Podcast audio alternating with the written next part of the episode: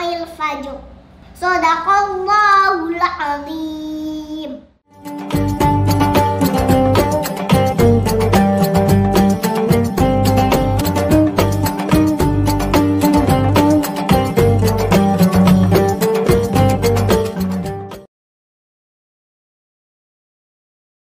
بسم الله الرحمن الرحيم السلام عليكم ورحمة الله وبركاته الحمد لله wassalatu wassalamu ala Rasulillah wa ala alihi wa sahbihi wa man wala wa ba'du. Saudara-saudariku, kita berjumpa kembali di program Aku Suka edisi ke-12 di bulan Ramadan tahun 1441 Hijrah. Masya Allah, tak terasa kita sudah ada di hari ke-12 di bulan Ramadan di tahun ini. Kita bermohon pada Allah Subhanahu wa taala semoga seluruh ibadah kita yang ditunaikan dari awal puasa sampai hari ini berkenan diterima Allah Subhanahu wa taala. Sebelum kita lanjutkan, mari kita cek dulu amalan kita dari hari pertama sampai dengan hari ke-12 ini sekiranya semua yang kita kerjakan sudah melahirkan kenikmatan dalam menjalaninya sehingga menjadi ukuran secara umum diterimanya amalan kita di hadapan Allah Subhanahu wa taala. Ayo, berapa tarawih kita yang sudah dinikmati? Bagaimana tentang program Quran kita? Baik itu bacaannya, sudah berapa juz sampai hari ini? Baik itu tilawah kajiannya, surah apa yang sudah dikaji, yang dipahami maknanya sampai sekarang. Pun demikian dengan hafalan Al-Qur'annya sebagai cita-cita untuk dibawa menjadi kebanggaan di hadapan Allah Subhanahu wa taala. Baik untuk itu, tidak mudah menjalani itu semua kalau sampai hari ke-12 ini kita masih belum konsisten karena memang ada info dari Nabi Shallallahu alaihi wasallam semua pekerjaan yang kita kerjakan dalam siam ini tentunya tidak sunyi dari tantangan bahkan bisa menghambat seseorang untuk konsisten dalam menjalani ibadah kalau ia tidak sungguh-sungguh dalam menekuninya. Apa di antara tantangan itu? Kita akan coba uraikan dalam pembahasan Aku Suka edisi ke-12 ini. Baik, sebelumnya kita telah uraikan peta pembahasan tentang ibadah yang menjadi paket di bulan Ramadan, baik itu ibadah malamnya, khususnya terkait dengan sholat tarawih yang telah kita tuntas bahas, juga terkait sampai ke waktu sahar waktu menjelang fajar yang didapatkan ibadah sahur dengan turunan detil pembahasannya baik itu makannya yang melahirkan keberkahan, istighfarnya, doanya, saya sangat berharap Anda bisa mereview kajian sebelumnya jika memang baru bergabung di pertemuan saat ini supaya bisa lebih mendapatkan informasi yang luas dan ketersambungan dengan pembahasan kita saat ini. Kemudian sampai di fajar, maka muncul ibadah yang paling pokok yaitu ibadah siang yang dijalani sampai tiba waktu maghrib itu.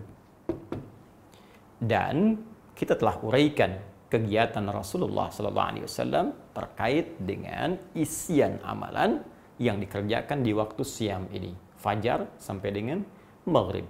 Umumnya ada isyarat kita untuk memperbaiki diri dengan sifat koreksi, menghadirkan kelembutan, ada yang terkait dengan sifat berbagi materi, baik berupa harta benda yang sifatnya bisa dinilai dengan hitungan seperti uang, ataupun materi yang dikonsumsi seperti makanan, atau yang digunakan dalam tubuh seperti pakaian, dan semisalnya. Kita sudah bahas ini pula.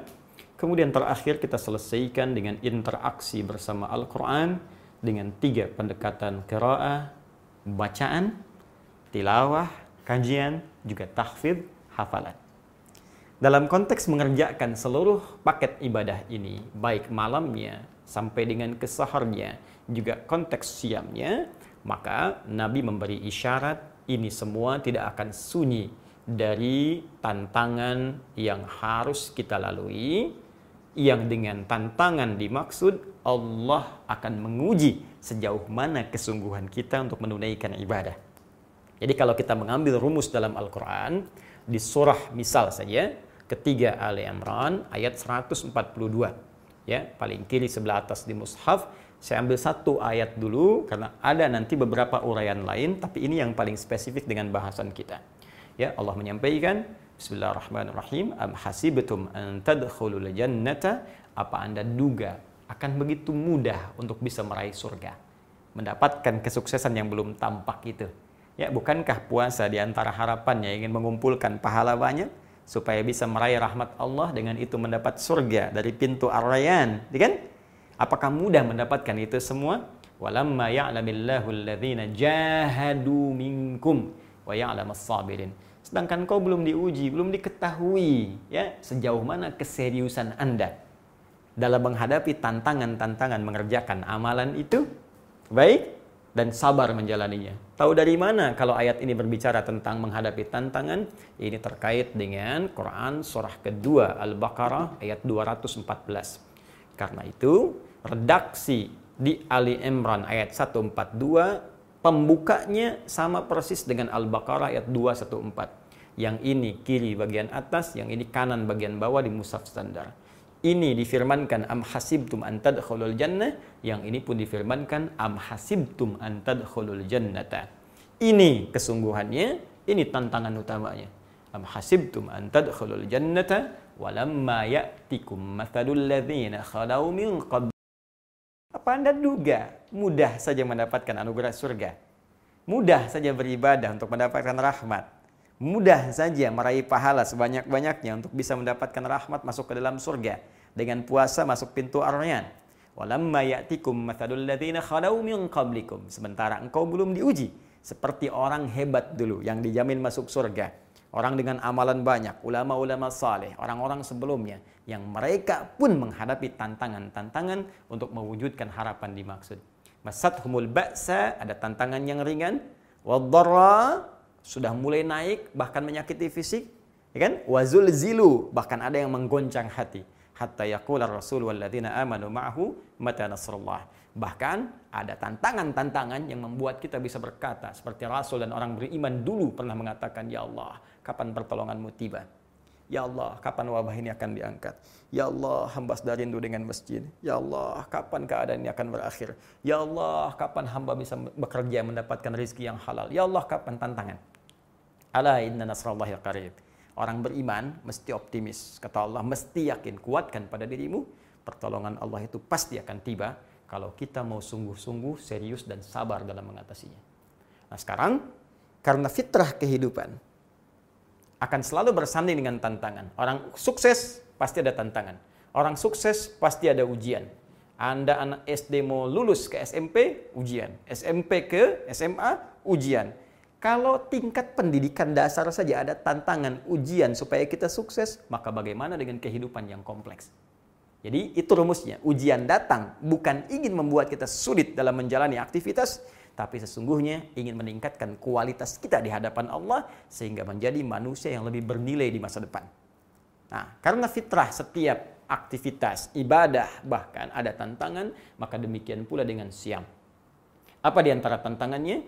Ini yang bisa kita lacak langsung saja dari kitabnya Imam Al-Bukhari. Ya, kita tulis kitabnya Sahih Al-Bukhari Ya, sebagai informasi nanti dari Nabi sallallahu alaihi wasallam supaya lebih akurat ditemukan di bab fadlus saum ya, keutamaan puasa sekaligus disebutkan tantangannya.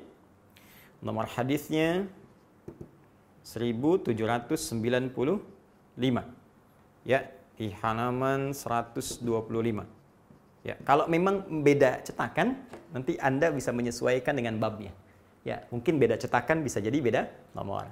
Atau mungkin saya keliru menyebutkan nomor, salah saya penyebutan nomor, maka e, tidak harus menjadi sesuatu yang besar. Cukup Anda rujuk saja, yang penting hadisnya ada. Ya, lihat dari babnya atau rawinya. Ya, yang nggak ada, yang repot kan begini, nomor ada, hadis nggak ada. Nah, itu pasti repot. Tapi kalau nomor bisa beda, sementara hadisnya ada itu nggak ada masalah.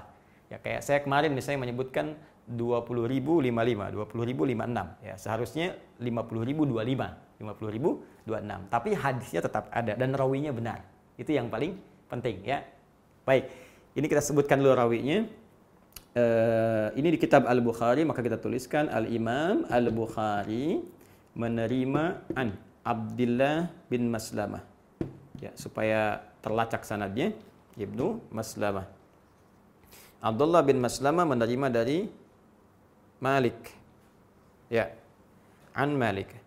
Malik menerima dari Abi Zanad. An Abi Az-Zanad. Baik. Abi Az-Zanad menerima dari sahabat Abu Hurairah. An Abi A'raj dulu. Dari Al-A'raj. Adil A'raj. A'raj menerima dari Abi Hurairah. An Abi Hurairah radhiyallahu taala anhu. Sahabat Abu Hurairah atau Abdurrahman bin Sakhr nama aslinya menerima dari Nabi sallallahu alaihi wasallam. Anin Nabi sallallahu alaihi wasallam. Ya kan? Sallallahu alaihi wasallam. Ini singkatannya. Ya, kalau di kitab hadis disingkat demikian. Nah, penting nih saya uraikan karena nanti kita akan bertanya, Al Imam Al Bukhari kan nggak pernah berjumpa dengan Nabi. Nah, ya? Lalu bagaimana bisa meriwayatkan hadis dari Nabi Sallallahu Alaihi Wasallam? Maka kita urutkan, betul beliau nggak berjumpa, tapi melacak ya ada transmisi urutan informasi ini sehingga sampai ke beliau. Imam Al-Bukhari menerima dari Abdullah bin Maslam, Abdullah bin Maslam menerima dari Malik, ya. Malik menerima dari Abi Zanad, Abi Zanad menerima dari Al-A'raj, Al-A'raj menerima dari sahabat Abu Hurairah, ini yang menerima dari Nabi sallallahu alaihi wasallam. Jadi kualitas hadisnya valid, sahih. Apa informasi yang disampaikan? Yuk kita langsung bahas. Asyamu junnatun kata Nabi. Ya, saya tuliskan asyamu, demikian kita tuliskan junnatun. Ini prinsip dasarnya dulu. Puasa yang benar itu, perhatikan cara menerjemahkannya. Alif lamnya kita terjemahkan, ya ma'rifatnya. Puasa yang benar itu, yang ditunaikan sesuai aturannya, sesuai ketentuannya. Junnatun akan melahirkan perisai pada diri pelakunya, yang akan menghambat ia, menghalangi ia dari setiap perbuatan-perbuatan yang bisa membahayakan dirinya. Ya, baik maksiat ataupun yang lainnya. Baik, ingat yang telah saya uraikan di pertemuan-pertemuan lalu. Kaji lagi, ya. Lihat lagi pembahasan kami. Setiap ada huruf jim dengan nun di awal kalimat, itu umumnya menunjuk makna yang tersembunyi. Ya, ini junnah. Jinnah, cuma beda harokat. Jinnatun jamak dari jin. Minal jinnati wanas. Kenapa disebut jinnatun? Ya, jamak dari jin karena memang tak nampak, tersembunyi makhluknya. Surga jannatun. Kenapa disebut jannah? Karena memang belum tampak dalam pandangan kita saat ini. Janin, janin, ya dalam perut ibunda ada janin. Kenapa disebut janin? Karena tak kasat mata, tak tampak dalam pandangan kita. Nah, junnatun perisai. Kenapa disebut dengan junnah perisainya? Karena memang tak tampak dalam pandangan kita. Nggak kelihatan. Cuman dia bisa mencegah diri kita dari perbuatan maksiat. Begitu ada maksiat mau masuk ke mata, dicegah oleh perisai ini. Sehingga mata kita refleks langsung dialihkan ke yang lain. Ya, ya min absarihim. Telinga akan mendengar maksiat. Ada orang gibah, terdengar nggak enak kita langsung diberikan sinyal ke otak kita, tembuskan ke hati kita. Ini nggak bagus, palingkan, menjauh. Kaki diajak maksiat tertahan, kaku kaki kita ini. Ada perisainya, jadi nggak tembus. Nah, jadi secara singkat, orang yang mendapatkan perisai ini, maka terjaga dari perbuatan buruk. Lawan buruk itu baik. Jadi kalau orang punya perisai ini, pasti jadi orang baik. Kalau dikaitkan dengan rumus hadis ini, pembukanya, kalau Anda ingin jadi orang baik, di antara ibadah yang membuat seseorang jadi baik, itu puasa. Rajin puasa aja. Selepas Ramadan, rajin Senin, Kamis, ya ayamul bid, puasa Daud. Itu pasti kalau benar puasanya, pasti merubah pribadi seseorang jadi baik. Kecuali ada puasa yang tidak ditunaikan dengan benar, alif lamnya nggak jalan. Tapi apakah menunaikan puasa dengan benar itu supaya jadi orang baik mudah dikerjakan? Belum tentu. Karena ini rumus umumnya fitrahnya selalu ada ujian tantangannya. Apa di antara ujiannya? Kita tuliskan di sini. Saya mohon izin hapus dulu ini ya supaya memudahkan kita untuk mengurai kembali. Nabi menyampaikan fala yarfuth. Asyamu junnatun. Baik. Puasa yang ditunaikan dengan benar itu bisa menghasilkan perisai. Tapi tidak mudah mengerjakan ini ada tantangannya. Apa di antara tantangannya? Saya tuliskan satu. Fala yarfuth. Dua. Wala yajhal. Tiga. Wa ini mru'un qatalahu Empat, au syatamahu. Falyakul inni saimun inni saimun. Di redaksi lain, falyakul marrataini inni saimun. Tahan sampai sini dulu karena ke sananya terkait dengan keutamaan. Ini yang terkait dengan tantangan. Satu, kata Nabi, jangan berkata kotor, jorok, kata-kata kotor. Yang kedua, wala yajhal, jangan berlaku bodoh yang tidak pantas, bertindak yang tidak pantas. Kita contohkan. Tiga, wa inumru'un qatalahu, berselisih termasuk provokasi. Ya, masuk konteks ini. Au syatamahu, mencaci, mencela. Ya, kemudian juga bikin hoax. Nah, kalau sekarang buzzer. Nah, ini masuk kategori ini, ya. Awas hati-hati, hati-hati nih, hati-hati. Awas ya. Nah, ini Faliyakul inni saimun inni saimun maka tegaskan pada dirinya kalau menghadapi tantangan ini saya sedang puasa, sedang puasa, sedang puasa. Baik, sebentar. Sebelum kita masuk ke sini, sebentar. Tarik nafas dulu. Tiga detik. Satu, dua, tiga. Fokus lagi. Bila kita perhatikan, di sini kita tidak dapatkan tantangan berupa hal-hal yang konsumtif misalnya. Ya, makan, minum. Atau tantangan yang sifatnya biologis, hal-hal seksual, kebutuhan seksual, biologis. Padahal ini sama-sama tantangan juga. Ya kan? Betapa banyak orang waktu sedang berpuasa, lihat makanan, tiba-tiba sudah pengen buka. Ya kan? Jalan, olahraga, pagi-pagi habis subuh, ya kan? Tercium bau makanan dari satu restoran, Masya Allah, udah lihat jam. Berapa menit lagi maghrib ya? Padahal baru subuh. Kan? Minuman juga demikian. Ya kan? Hasad seksual juga demikian. Karena itu jadi tantangan, dilarang saat puasa. Namun kenapa yang ini tidak banyak diungkap, dibahas, sedangkan ini yang ditekankan. Bahkan menduduki hal yang sangat penting tentang hadis-hadis puasa. Teman-teman sekalian, secara sederhana, karena memang bagian yang pertama ini, minum, makan, hubungan biologis, ini yang disebut dengan muftirat namanya. Ya, hal yang membatalkan puasa. Terkait hal yang membatalkan puasa, berlaku untuk semua orang. Karena semua orang pun menjaga dari ini, sudah kenal semua. Karena semua menjaga dari itu, maka muncullah kemudian motivasi yang kuat untuk meninggalkan ini semua. Jadi nggak dilarang pun sudah ngerti. Nggak disampaikan pun sudah paham. Makan itu pasti batal ya, minum itu pasti batal. Ini nggak usah pura-pura, saya mau wudhu, ah kumur-kumur, padahal pakai sirup misalnya. Ya, ini tetap aja batal. Ya, cuman dua dalam keadaan makan minum nggak batal. Satu, ketika lupa, bukan pura-pura lupa. Beda pura-pura lupa dengan lupa. Makan, lupa misalnya. Sedang makan, selesai. Begitu kenyang, ketemu teman, ditanya sama teman, gimana puasanya hari ini? Oh, puasa astagfirullah, saya lupa. Nah, bukan makan dulu, nanti kalau ditanya lupa. Bukan. Yang kedua, makan dalam keadaan atau minum dalam keadaan sedang tidur, mimpi. Mimpi, mimpi makan, mimpi, mimpi minum. Ya, ajaibnya begitu bangun kenyang misalnya. ya, nah, itu tidak membatalkan kalau memang tidak diniatkan untuk itu. Nah, ini yang membatalkan. Kenapa tidak banyak dibahas? Karena sudah banyak dipahami. Semua orang yang puasa menjaga ini. Tapi yang ini, ini namanya mufsidat. Mufsidat, perusak puasa. Ya, perusak perusak itu kan nggak semuanya mengalami ini secara keseluruhan. Kalau ini dihadapi oleh keseluruhan. Karena setiap hari itu yang dijaga. Ketahuan hadir nggak hadir langsung tahu. Tapi ini bisa datang tiba-tiba. Ya, bisa nggak disadari teman-teman sekalian. Dan nggak banyak orang tahu bahwa ini merusak. Apa bedanya membatalkan dengan merusak? Kalau membatalkan, muftirat, ini seketika puasanya selesai, habis. Batal, gugur. Mesti diganti di hari lain. Kalau sengaja tambah kafarat, hukuman tambahan. Ya, puasa dua bulan berturut-turut bisa memberi makan 60 orang miskin paling sedikit atau membebaskan seorang budak. Dalam konteks sekarang sudah tidak ada bagian ketiga tadi. Ya, diganti di hari hari lain. Tapi juga tidak boleh sengaja karena dosanya bisa berlipat, ya. Nah, ini gugur seketika. Tapi kalau yang ini ini belum tentu puasanya batal. Di puasanya terasa masih lanjut karena belum mengerjakan yang membatalkan, puasanya tidak gugur tapi rusak. Rusak itu artinya pahalanya berkurang karena dikurangi oleh perbuatan buruk ini.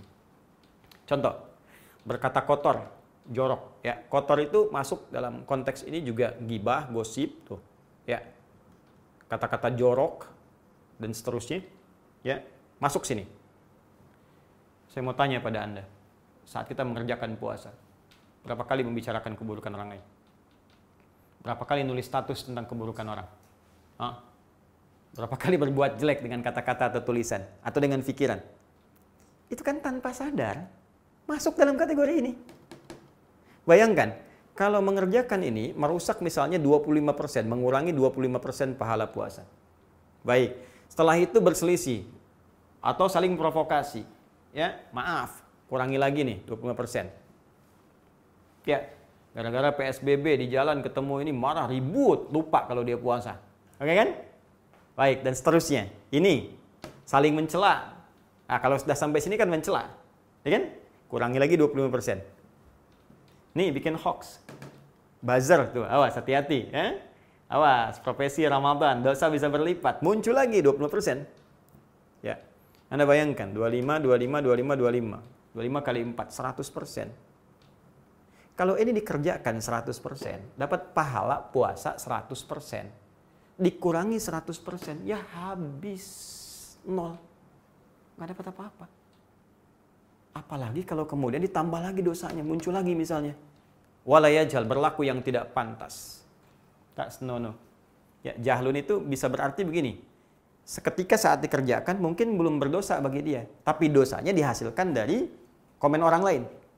Misal, Anda bapak atau ibu usia 50 tahun, terus keluar komplek olahraga pagi-pagi misalnya kan pakai sepeda cucu yang lima tahun ya dosa sih enggak cuman kan orang menggunjing nah itu ya jahal namanya berlaku yang tidak pantas Ustadz misalnya kan udah tahu begini nih ceramah tampilan begini peci baju misalnya sudah mengatur dengan baik. Tiba-tiba peci dipindah begini misalnya. Kan ini nggak pantas. Ya saya mungkin nggak dosa pakai ini tapi kan membuat anda bisa komen sesuatu yang nggak baik. Tiba-tiba bisa cerita ini cerita itu dan sebagainya. Nah, ini yang menjadikan karena Anda penyebab dosanya, orang berbuat dosa, maka terlimpah juga untuk Anda dosanya. Bayangkan, sudah habis nol, berbuat dosa lagi, taruhlah 50% misalnya, karena orang banyak menggunjing bicara buruk. Wah, habis, minus 50%. Sudah tahan lapar, sudah nggak minum haus. Anda bayangkan, udah gitu nambah dosa 50%. Ini yang mungkin yang dimaksudkan Nabi SAW. Rabba sa'imin laysa lahu min siyami ilal ju' wal. Tidak sedikit nanti orang puasa karena nggak bisa menghadapi tantangannya dengan baik. Dia nggak mendapatkan apa pun dari puasanya kecuali lapar dan haus saja. Ini yang paling bahaya. Nah, rumus cepatnya untuk menghadapi ini semua, Nabi cuma memberikan satu kalimat saja. Kalau perlu tergaskan pada jiwa kita. Ya, apa kalimatnya? Kata Nabi, kalau Anda dihadapkan pada yang seperti ini, sedang duduk tiba-tiba diajak ngomongin orang. Ya, melihat layar kaca, bahkan lihat kultum ini pun ribut juga.